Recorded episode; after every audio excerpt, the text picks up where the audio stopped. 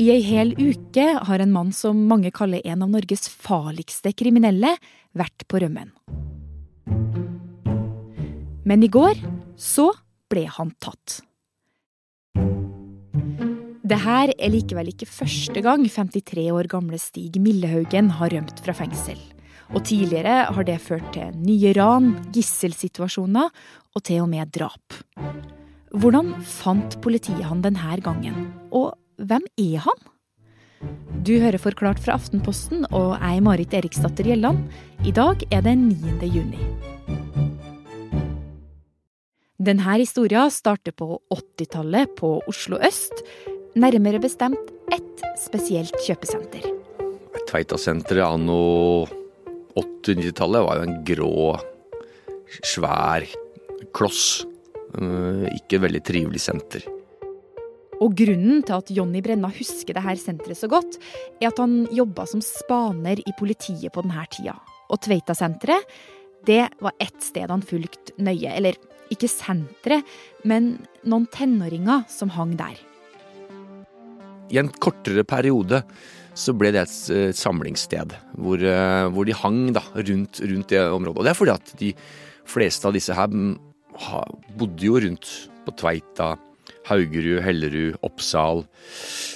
I de områdene. Så det var et naturlig samlingspunkt. Som da eh, gjorde at de de, de, fant hverandre i fart og spenning og begynte å stjele ting og kjøre fra politiet. Og ble på en måte en merkevare for at de turte å utfordre politiet, for de hadde råere, bedre biler og, og turte å ta risiko. Og Så begynte de da med, med, med større grader av vinningskriminalitet, som f.eks. Eh, sjokkbrekk, hvor de kjører biler inn i butikkvinduer, tar med seg alt det som er der, og stikker av. Eh, begynner å stjele minibanker. Bare nappe minibanker ut av kjøpesentrene og får tilgang til pengene. Etter hvert så så begynner de å sprenge minibanker, sånn at det ble et sånn minisprengningslag. sånn at aksjonskriminalitet og, og vinning har jo vært deres merkevare hele tiden. En av guttene i denne Tveita-gjengen var Stig Millehaugen. En kortklipt, blåøyd gutt som egentlig ikke virka så farlig. Jeg har jo vært dypt inne i det miljøet som han uh, har vært en del av. Så han har jo blitt beskrevet som uh, ja, fra, fra, fra ungdomstida som en ganske snill, ordentlig gutt. Uh, gode verdier og ønska vel egentlig å kunne kanskje hatt en karriere i Forsvaret. Hadde stor interesse for våpen og ammunisjon. Men da røyk inn i et miljø da, som var veldig spenningsøkende. Som da ble omtalt som Tveita-gjengen på midten av 80-tallet. Du kan si at gjengen i seg selv rundt 92 er, er ikke på ranssporet. Eh, det er med på minibanksprengninger og sjokkbrekk og ta store varehus og sånne ting. Fordi det var jo det som var eh, ja, merkevaren til miljøet. Men, men Stig, han, han, går jo grovere til verks, da. For Millehaugen raner et postkontor og en bank som han blir tatt for. Han rømmer fra varetektsfengsel raner nye postkontor og tar flere gisler, før politiet finner han igjen. Og mens han er fengsla for det, så gjør han noe han aldri har gjort før. Vi er nå i 1992, og i Sarpsborg fengsel sitter 23 år gamle Stig Millehaugen. Men her har han ikke tenkt å bli lenge. Gjennom et vindu får han smugla inn en pistol. Utenfor cella står en fengselsbetjent, og han hører en del bråk fra cella til Millehaugen. Han åpner etter hvert døra, og der står Millehaugen med pistolen sin. Hvor da fengselsbetjenten ikke helt skjønte eller trodde at dette var et ekte våpen, og så ble det en eller annen tumult, og så ble betjenten skutt og drept. Etter det her så rømmer Millehaugen, men etter ganske kort tid så melder han seg selv inn til politiet. Og nå blir straffa lang. 17 år i fengsel for væpna ran og overlagt drap. Men som du vet, så er ikke det her siste gang Millehaugen rømmer. Og det er heller ikke siste gang han dreper.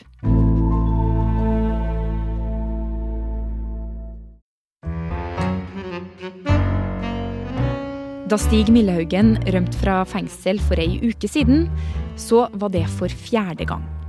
Det var de gangene på 90-tallet, og så en gang i 2000, da han ble tatt etter åtte måneder. Etter det her så blir det faktisk stilt ei stund. Og i 2009 har Millehaugen snart sona ferdig. Og så er jo han da mer eller mindre på vei ut i eh, 2009. Da er det jo han på en sånn overgangsbolig på Sandaker i Oslo.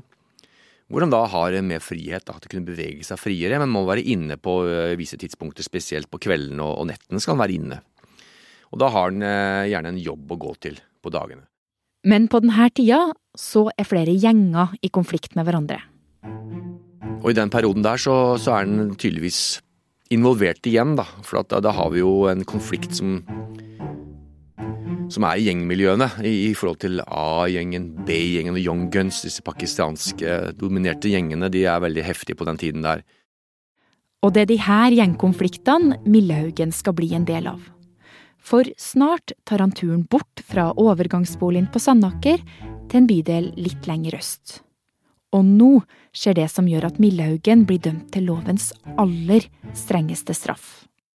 Hvor han da sitter i en bil oppe på Haugerud, og der er to Young Guns-medlemmer. Eh, en som heter Jeddy og en som heter Alex i den bilen der. Hvor han da skyter Jeddy. Alex kommer seg ut, greier å, flykte, og så tenner han på bilen, og så går han tilbake til den, den uh, overgangsboligen på Sandaker og, og, er der da. Men da har jo Alex greid å flykte, og har jo fortalt politiet hvem det er. Og da, da blir jo han pågrepet i den boligen der, da. Og, og, i den saken der så blir jo han dømt for overlagt drap. Og også det at det er et leiemord bestilt fra deler av A-gjengen, som, som Young Guns har vært en, i konflikt med over lang tid. Dommerne i Oslo tingrett mener at drapet på gjenglederen ligner en henrettelse. For Jeddy, som han kalles, er skutt i nakken fra kloss hold. Tingretten konkluderer òg med at det er fare for at Millehaugen kan begå nye voldsforbrytelser. Og med det så får han 21 år i forvaring, som betyr at han kan bli sittende enda lenger i fengsel om retten mener det er fare for gjentakelse. Og etter etter at dommen falt i 2012, har det igjen vært stilt fra Millehaugen. Fram til forrige uke. Dobbeltdrapsmann på frifot Stig Millehaugen kom ikke tilbake til fengselet etter permisjon i dag. Dobbeltdrapsdømte Stig Millehaugen etter at han ikke kom tilbake til Trondheim fengsel etter permisjon. Andreas Wakkefoss, journalist her i Aftenposten. Forrige uke så dro altså Millehaugen på en seks timers permisjon fra Trondheim fengsel. Og hva er det egentlig som skjer videre da? Han kommer ikke tilbake som eh, avtalt eh, til fengselet, og da går eh, alarmen både hos fengselet og ikke minst hos politiet. Og det blir starten på en gedigen jakt for å forsøke å finne ut hvor han er. Ja, for hva vet vi da om hva han gjorde etter at han ikke kom tilbake fra denne permisjonen? Ja, det eneste vi vet så langt om, eh, om, det han gjør, er jo det vi har fra politiet.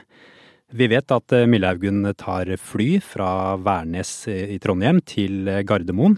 Og så tar han eh, taxi fra Gardermoen til Oslo S. Og der blir han fanget opp av et av de mange overvåkningskameraene. Så man får et eh, bilde av Millehaugen som har på seg svart eh, caps og en stor fullpakket uh, tursjekk. Og det bildet ble også sendt ut til offentligheten. Han blir litt senere den samme dagen, altså onsdag i forrige uke, observert på bilder fra overvåkningskameraer på Helsfyr T-banestasjon, som ligger litt sørøst i Oslo. På dette tidspunktet så er alle politifolk i hele Norge på jakt og utkikk etter eh, Millehaugen. Og politiet har slått det som de kaller riksalarm. Det betyr at eh, alle politidistrikt er informert om hva som har skjedd. Han er også etterlyst internasjonalt, og alle grenseoverganger og alle andre lands politi har bilde og informasjon om eh, Millehaugen. Men etter denne etter dette bildet på Helsfyr eh, for en uke siden, så kommer det ikke flere bilder fra politiet. De aksjonerer eh, flere steder eh, på jakt etter ham, og bruker også alle kildene de har for å forsøke å finne ut hvor han kan ha tatt veien, og om noen har observert noen bevegelser fra ham. Ja, så det ble plutselig helt stilt. Men det var jo fram til i går. For da ble Millehaugen tatt av politiet. Det tikka inn nyhetsmeldinger på telefonene, og overskriftene på nettavisene var store. Altså, hva vet vi om hva som skjedde, Andreas? Det vi vet, er at politiet allerede på tirsdag får tips fra flere personer, og de tipsene går ut på at eh, Millehaugen er observert i et område rundt eh, det som heter Ulsrudvann, som ligger i Østmarka utenfor Oslo. Og Østmarka er et gedigent stort eh, skogsområde, en mark som beveger seg over flere mil. Onsdag formiddag så regner det som bare det i Oslo, og litt etter klokka ti, eller nærmere halv elleve, så ser plutselig noen politifolk en fyr som går langs en sti eller en vei. Og det viser seg å være Millehaugen, og han blir, i hvert fall sånn som politiet har beskrevet det, pågrepet uh, uten dramatikk like ved Østmarkaseteren, som mange kjenner som er et veldig populært utfartssted i kanten av Østmarka i Oslo. Politiet de sier at han ikke hadde på seg noe våpen, annet enn en foldekniv som han kanskje da har brukt i skogen. Politiet sier at de fortsatt er usikre på hvor lenge han har eh, vært i dette området. De har jo lett etter han overalt og ikke funnet han, så det er også mulig å tenke seg at eh, han kan ha oppholdt seg i Østmarka i lengre tid. De mener at han i hvert fall de siste døgnene bodde i en slags skapahuk som, som var laget inne i, i skogen der. På den andre siden så har det jo vært kjempefint vær i Oslo de, de, siste dagene, og massevis av folk i marka, så det virker også litt rart at ingen har sett noe til eh, Millehaugen. Hm. Så nå er jo det store spørsmålet da, Andreas. Hva skjer med Millehaugen nå? Blir det rett tilbake til Trondheim fengsel? I går så ble han jo arrestert og satt i arrest eh, på Grønland politistasjon eh, i Oslo.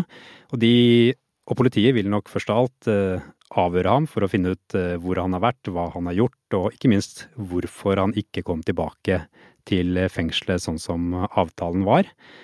Så blir det jo også et spørsmål om eh, soningen hans skal bli strengere nå, for han skal jo fortsatt sone ferdig straffen sin som innsatt. Og han kan jo også eh, risikere å bli straffet for å ha unndratt seg en rettskraftig dom, som det heter. Han kan rett og slett få en tilleggsstraff eh, for å, for å ha stukket av fra fengselet. Så det er jo spørsmål som eh, politiet nå må vurdere. Og permisjon, det får han vel kanskje ikke igjen med det første? Nei, Det er nok rimelig å tenke seg at Millaugen vil slite litt mer enn tidligere med å få innvilget permisjon, og det vil nok gå en god stund før vi ser han utenfor fengselsmuren igjen.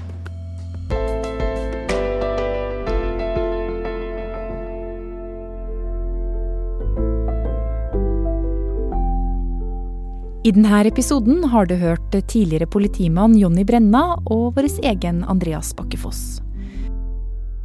Lyden du hørte var fra NRK og VGTV. Episoden er laga av Anne Lindholm, Jenny Føland og meg, Marit Eriksdatter Gjelland. Resten av Forklart er David Vekoni, Synne Søhol, Fride Næss Nonstad og Anders Weberg.